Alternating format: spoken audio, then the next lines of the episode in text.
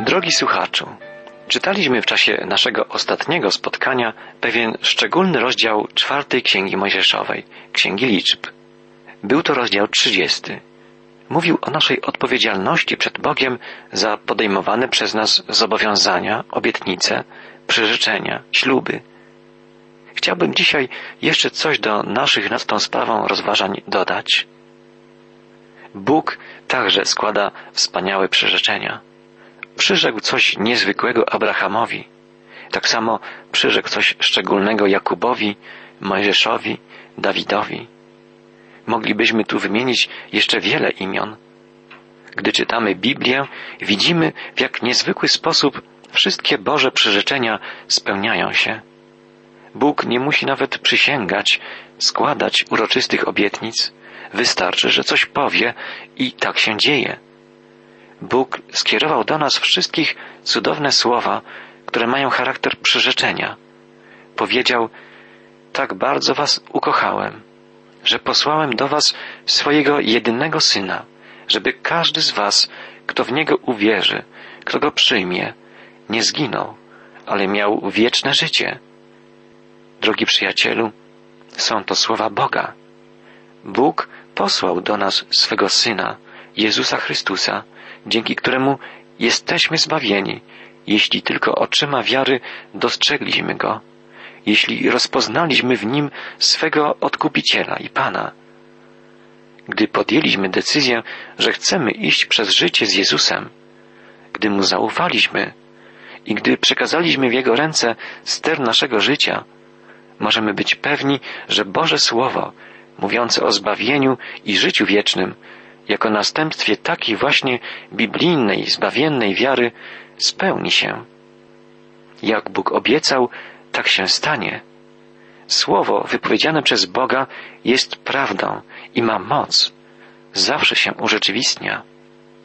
Pewna matka miała niewierzącego syna, który po powrocie ze studiów powiedział jej Mamo, ty tak mało wiesz. Świat jest tak ogromny, Jesteś tak maleńką drobinką w całym tym wszechświecie. Myślisz, że dla Boga Twoja biedna duszyczka jest czymś wartościowym, w ogóle czymś zauważalnym? Matka zamyśliła się i po chwili odpowiedziała: Synu, ja wiem, że moja dusza nie jest zbyt wiele warta, ale jeżeli miałaby być zagubiona, zapomniana lub unicestwiona, wtedy Bóg straciłby o wiele więcej niż ja. Straciłby swoją reputację. On powiedział przecież, że zbawi moją duszę, jeśli mu zaufam.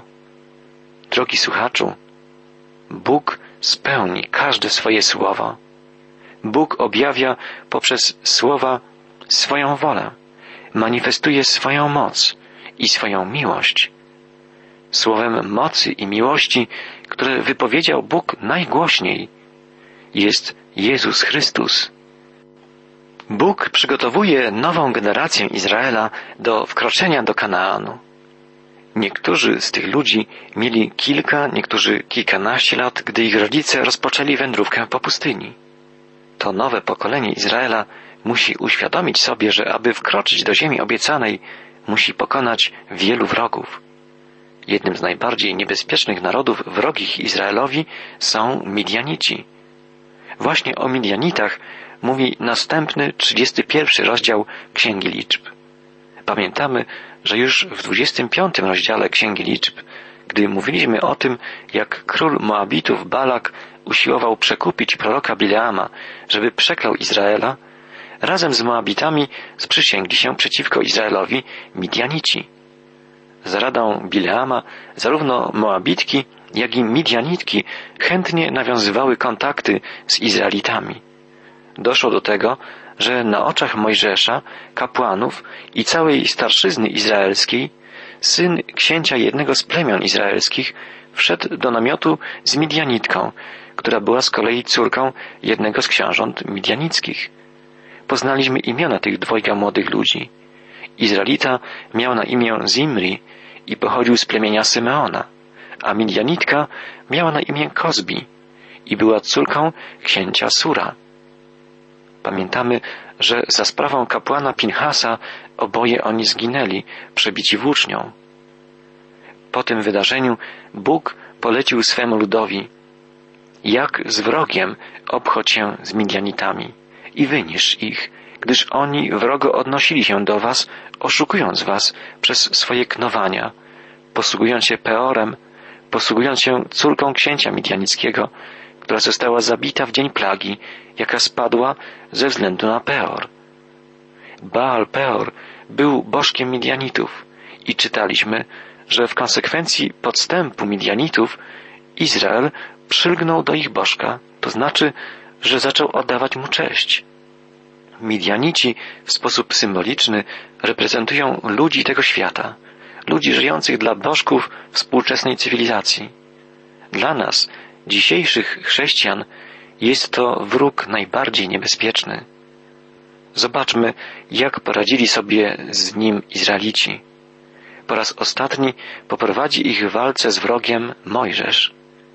W początkowych wierszach 31 rozdziału Księgi Liczb czytamy Rzekł Pan do Mojżesza Pomści Izraelitów na Midianitach. Potem pozostaniesz przyłączony do Twoich przodków. Rzekł więc Mojżesz do ludu Przygotujcie spośród siebie mężów na wyprawę wojenną przeciw Midianitom.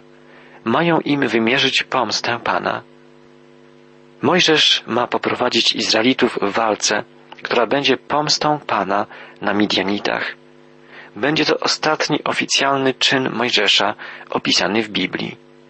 W piątej księdze Mojżeszowej przeczytamy jeszcze o jednym epizodzie z życia Mojżesza, ale będzie to wydarzenie ze sfery prywatnej, osobistej.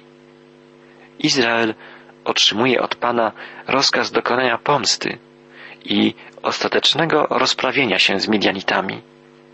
Ich podstępne działanie było bardzo dla ludu Bożego niebezpieczne. Mogło doprowadzić do rozbicia jedności ludu, do podziałów, a w końcu do unicestwienia Izraela. Izraelici muszą więc ukarać Midianitów w taki sposób, żeby oznaczało to całkowite zerwanie z nimi i z ich kultem. Od czwartego wiersza 31 rozdziału Księgi Liczb czytamy Poślijcie na wyprawę wojenną po tysiąc ludzi z każdego pokolenia izraelskiego. I zostało wybranych po tysiącu z każdego pokolenia, czyli dwanaście tysięcy zdolnych do walki. Mojżesz posłał po tysiącu ludzi z każdego pokolenia na wojnę. Razem z nimi wysłał Pinhasa, syna kapłana Eleazara i przedmioty święte oraz trąby sygnałowe. Tylko dwanaście tysięcy ludzi, przedstawicieli dwunastu plemion Izraela, wyruszyło do bitwy z Midianitami. Towarzyszył im kapłan Eleazar, przedmioty święte z przybytku i trąby sygnałowe. Oznaczało to, że walka będzie miała charakter duchowy i że właściwie walczył będzie z Midianitami sam żywy Bóg. Według rozkazu, jaki otrzymał Mojżesz od Pana, czytamy dalej, wyruszyli przeciw Midianitom i pozabijali wszystkich mężczyzn. Zabili również królów midianickich, oprócz tych, którzy zginęli w walce, Ewi, Rekem, Sur, Hur i Reba, razem pięciu królów midianickich. Mieczem zabili również Balaama, syna Beora. Pokonani i zabici zostali królowie midianiccy, zginął też prorok Bileam. Bóg dał Izraelowi wielkie zwycięstwo. Dokonał się sąd nad Midianitami. Przed wejściem ludu Bożego do ziemi obiecanej Pan osądził naród pogański, który był najzacieklejszym, najbardziej niebezpiecznym wrogiem Izraela. Podobnie będzie przed powtórnym przyjściem Chrystusa. W okresie tysiącletniego królestwa Izraelici wejdą do ziemi obiecanej i będą żyć w swojej ziemi w pokoju. Dziewiąty wiersz 31 rozdziału Księgi Liczb podaje taką informację o Izraelitach.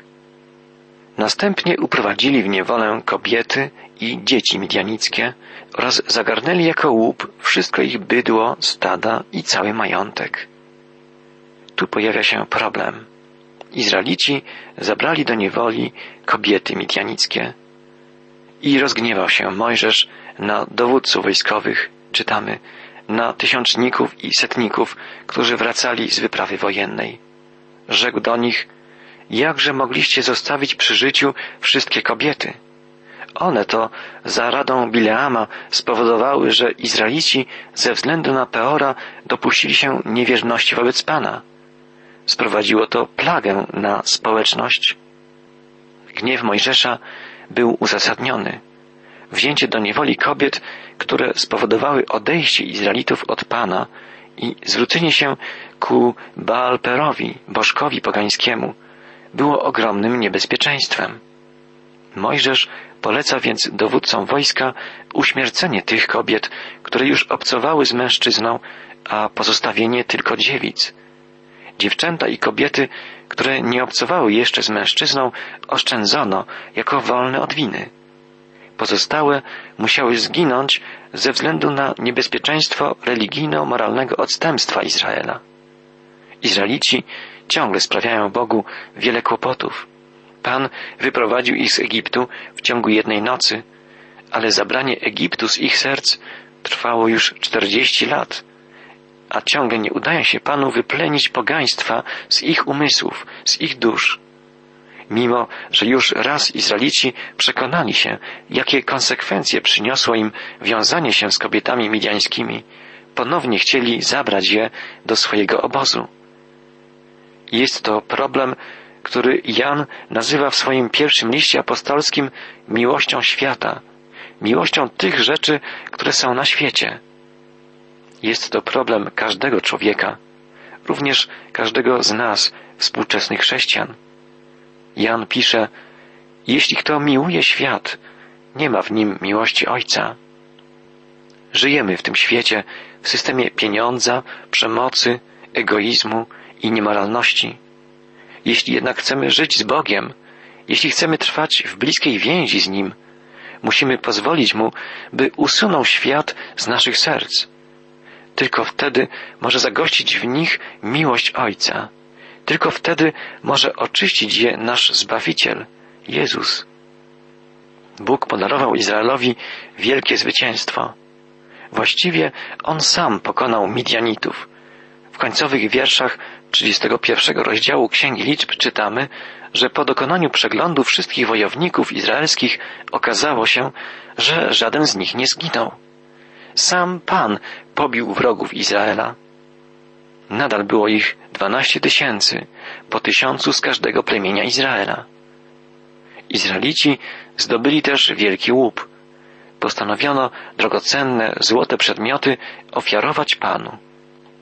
Do Mojżesza przybyli dowódcy wojsk. W końcowym fragmencie 31 rozdziału czwartej Księgi Mojżeszowej czytamy I rzekli do Mojżesza Słudzy Twoi dokonali przeglądu wszystkich poddanych sobie wojowników i okazało się, że żaden z nich nie zginął. Dlatego przynieśliśmy w ofierze dla Pana wszystkie znalezione przedmioty ze złota, nagolennice, naramienniki, pierścienie, kolczyki i naszyjniki, aby dokonano nad nami wobec Pana obrzędu przebłagania. Wzięli więc Mojżesz i kapłan Eleazar złoto i wszystkie kosztowne przedmioty, złota zaś oddanego przez tysiączników i setników na ofiarę dla Pana było szesnaście tysięcy siedemset pięćdziesiąt cyklów.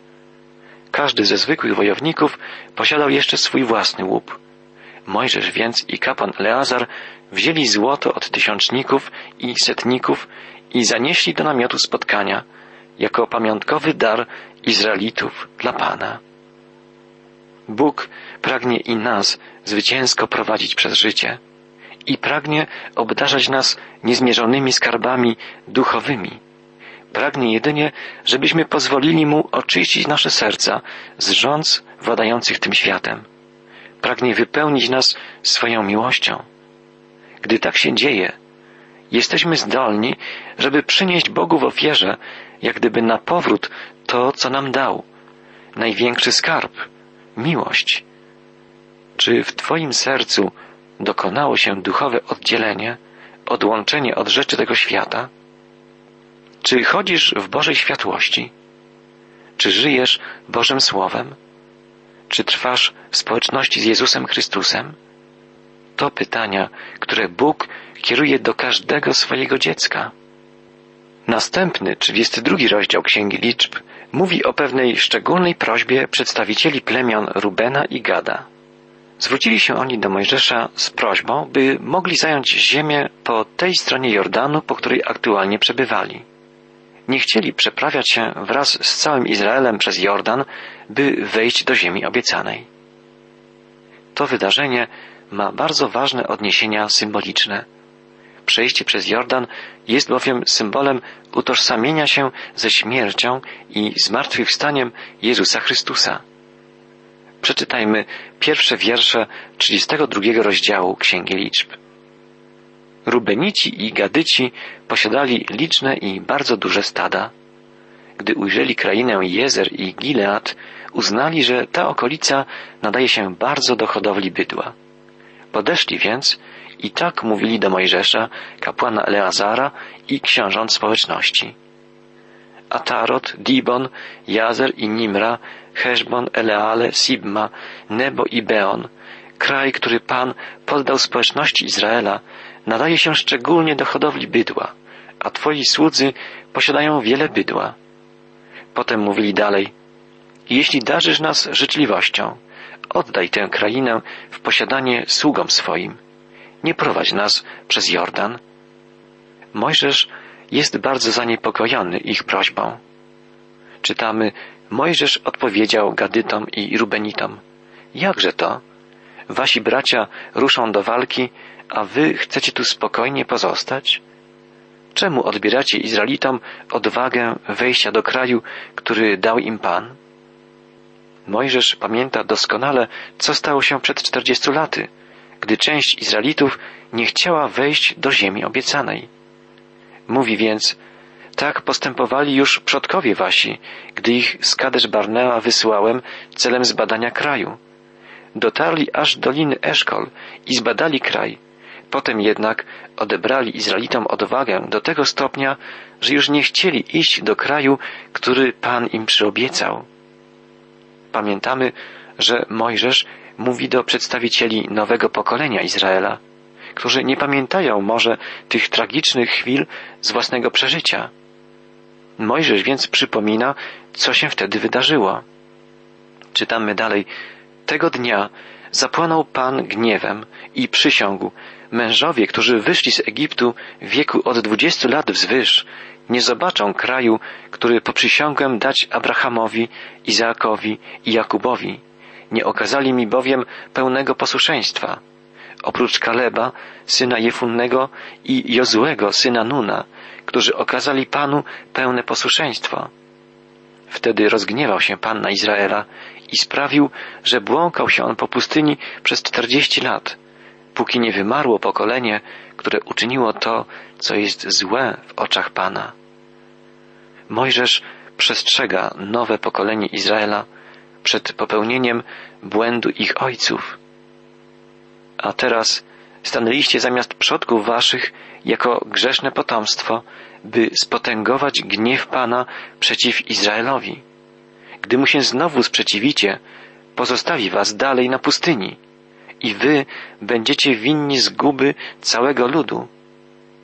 Możemy w pełni zrozumieć obawy Mojżesza, obawy o to, że nieposłuszeństwo części Izraela może sprowadzić nieszczęście na cały lud. Są to obawy całkowicie uzasadnione. Rubenici i Gadyci jednak nie słuchają Mojżesza. Czytamy dalej. Oni przybliżyli się do niego i rzekli, tu zbudujemy zagrody dla naszych stad i osiedla dla naszych rodzin. My jednak sami chcemy iść śpiesznie na czele Izraelitów, póki ich nie wprowadzimy na miejsce zamieszkania. Tymczasem rodziny nasze pozostaną zabezpieczone w umocnionych miastach ze względu na mieszkańców kraju. Nie powrócimy jednak do swoich rodzin tak długo, póki każdy z Izraelitów nie otrzyma swego dziedzictwa. A my nie weźmiemy żadnego dziedzictwa z tamtej strony Jordanu i dalej, gdyż nasze posiadłości znajdą się tu, na wschód od Jordanu. Mojżesz odpowiedział im, Gdy postąpicie tak, jak powiedzieliście, gdy będziecie wobec Pana gotowi do walki i gdy wszyscy spośród Was zdolni do walki przejdą Jordan w obecności Pana, aż On wypędzi przed sobą wszystkich nieprzyjaciół swoich i gdy wówczas dopiero powrócicie, kiedy cały kraj będzie poddany Panu, wypełnicie swój obowiązek względem Pana i Izraela. Kraj ten będzie waszą własnością wobec Pana. Gdybyście jednak nie wykonali tego, zgrzeszycie wobec Pana i wiedzcie, że grzech wasz dosięgnie was. Ponieważ Rubenici i Gadyci zobowiązali się, że przejdą wraz z pozostałymi plemionami przez Jordan i pomogą im w podbiciu Kanaanu, a dopiero potem wrócą na wschodnią stronę Jordanu, Mojżesz zgodził się na zajęcie przez nich ziem, które dzisiaj nazywamy Zajordaniem. Mojżesz jednak ostrzegł ich, że jeśli nie dotrzymają słowa, Bóg ich ukaże. Dosłownie Mojżesz powiedział, zgrzeszycie wobec Pana i wiedzcie, że grzech wasz dosięgnie was. Co oznaczają te słowa? Wielu grzesznikom wydaje się, że ich występki ujdą im na sucho, że nie zostają przez nikogo zauważone. Ale Słowo Boże mówi nam wyraźnie, że każdy popełniony przez nas grzech powoduje poważne konsekwencje. Możemy je obserwować w życiu ludzi, których poznajemy z kart Biblii, nawet w życiu takich mężów bożych jak Abraham, Dawid czy Mojżesz. Popełnione przez nich błędy spowodowały poważne reperkusje w ich życiu, w życiu ich potomstwa, w życiu całych pokoleń. Możemy zauważyć tę prawdę również w życiu ludzi nam współczesnych, a także oczywiście w swoim własnym życiu. Wszyscy jesteśmy grzesznikami, ale musimy unikać grzechu. Dlatego stale musimy poddawać się na co dzień oczyszczającemu działaniu Ducha Chrystusowego, działaniu Bożego Słowa. Pamiętajmy o słowach apostoła Pawła z listu do Galacjan. Nie błądźcie. Bóg się nie da z siebie naśmiewać, bowiem co człowiek sieje, to i rządź będzie.